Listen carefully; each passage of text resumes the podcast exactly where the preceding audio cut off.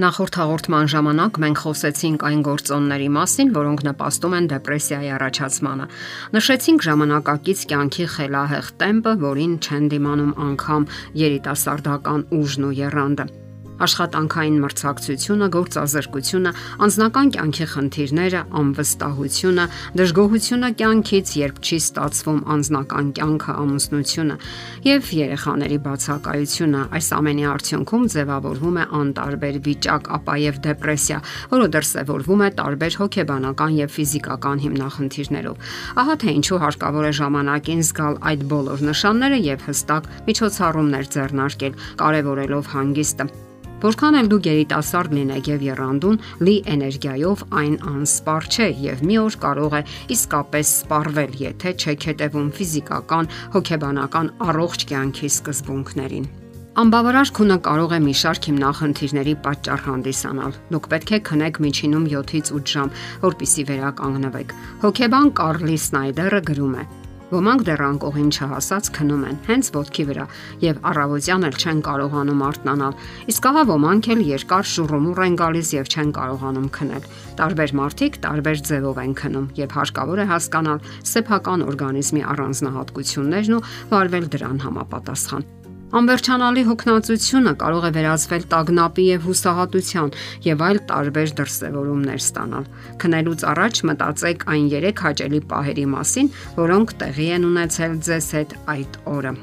Դեպրեսիան ոչ հազվադեպ ուղեկցվում է հիվանդագին դրսևորումներով։ Գլխացավ, ամբողջ մարմնի ջարդվածություն, ընդհանուր թուլություն։ Որոշ դեպքերում ցավն առաջին կամ միակ նշանը չէ։ Ըստ դոկտոր Սումիլի Սեմուելի, ցավը խորացնում է դեպրեսիայի ախտանշանները, որոնք իրենց հերթին ուժեղացնում են դեպրեսիան։ Այսպիսով ստեղծվում է մի փակ շրջան, որտեղ մի վիճակը մշտապես սնուցվում է մյուսով։ Կլինիկական հոգեբան կատարելությունից լավ գրքի հեղինակ Էլիզաբետ Լոմբարդոն պարզաբանում է Ֆիզիոլոգիայի տեսակետից դեպրեսիայի ժամանակ ուղեղի այն հատվածը, որը պատասխանատու է դրթապաճառների եւ որոշումներ ընդունելու համար, կորցնում է գորշ նյութը։ Դա հանգեցնում է նրան, որ նույնիսկ չնչին որոշումները մեծ դժվարությամբ են տրվում։ Դեպրեսիայի նախակարապետ կարող է լինել սննդային վարքագծի ցանկացած խանգարում։ Ինչպես գրում է Լոմբարդոն, որոշները կարող են ընդհանրապես ուտելու ցանկություն չունենալ, իսկ ահա ոմանք էլ հուզական տարապանքները խլացնելու նպատակով կարող են պարզապես ոչնչացնել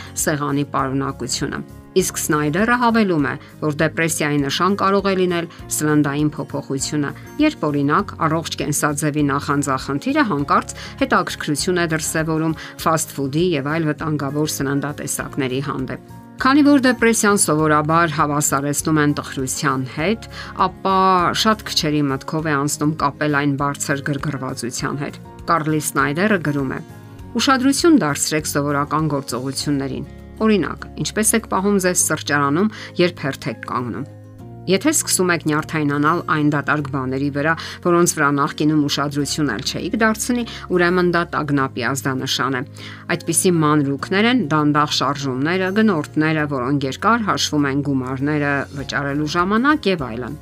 Պատահում է, որ մարդիկ լացում են դատարկ առիթներով։ Թեթև գշտություն ընկերոջ հետ, կորցրել եք բանալին, գնել եք ոչ այն ապրանքը, որը ցանկանում եք, Սրանք բոլորը կարող են հանգեցնել արցունքների։ Սնայդերը զգուշացնում է. դեպրեսիայի ժամանակ մանր տհաճությունները հսկայական նշանակություն են ձեռք բերում։ Ինչ որ բան նախաձեռնելու, գործողությունների դիմելու փոխարեն մարդը սկսում է հեծկլ տալ եւ որքան երկար է տևում այն, այնքան դժվար է լինում փակել ջրհորդանը։ Այլ կերպ ասած, եթե ամեն տեսակի մանրուքները արցունքներ են քամում ձեր աչքերից, ուրեմն մտածելու եւ հետեւություններ անելու առաջ եք կանգնած։ Եթե ձեր մեջ դեպրեսիայի նշաններ եք հայտնաբերել եւ կասկածներ ունեք, ուշադրություն դարձրեք հետեւյալին։ Չկան արդյոք ձեզ մոտ կպչուն մտքեր եւ հույզեր, ինչպես նաեւ փոփոխություններ վարքագծի մեջ, որոնք խանգարում են ձեզ ապրելու բնականon կյանքով։ Կլինիկական հոգեբան Ստեֆանի Վոնգը առաջարկում է գնահատել այդ մտքերը, հույզերն ու վարքագիծը 10 բալանոց սանդղակով, որտեղ առաջինը առավել փոքրագույնն է, իսկ 10-րդը առավել մեծը։ Եթե մեկ կամ ավելի շատ կետեր մոտենում են ճակատագրական նշաձողին եւ ազդում կենսական կարևոր ոլորտների վրա, անպայման կարևոր է դիմել մասնագետի օգնությանը։ Չի կարելի ինքնահոսի թողնել ինքնազգացողության աննշան փոփոխություններն անգամ, որpիսի դրանք ավելի լուրջ հետևանքների չհանգեցնեն։ Ամենակարևորը հետևեք ձեր առողջությանը։ Կարգավորեք ձեր կենսաձևը, հանգստացեք, լավատես եղեք Մեր օրյա իրականությունն իհարկե է ամենատարբեր բացասական երևույթներով ու ազդակներով, որոնք կարող են համբերությունից հանել ցանկացած մարդու եւ հոգնեցնել։ Սակայն լավատեսությունն ու սերը կլինի այն ուղին, որով կկարգավորեք ձեր անձնական կյանքը ձեր շրջապատում նկատեք գոյություն ունեցող գեղեցիկն ու դրականը։ Գնահատեք մարդկանց, հարգեք ու սիրեք եւ կնկատեք, թե ինչպես է փոխվում ձեր հոգեվիճակը։ Ընկերություն արեք մարդկանց հետ, եղեք լավ ընկեր եւ մարդիկ իրենք ինքնաբերաբար կմաղվեն դեպի ձեզ։ Իսկ արդյոք դա հենց այն չէ, ինչին ձգտում է յուրաքանչյուր երիտասարդ։ Եթերում ճանապար երկուսով հաղորդաշարներ։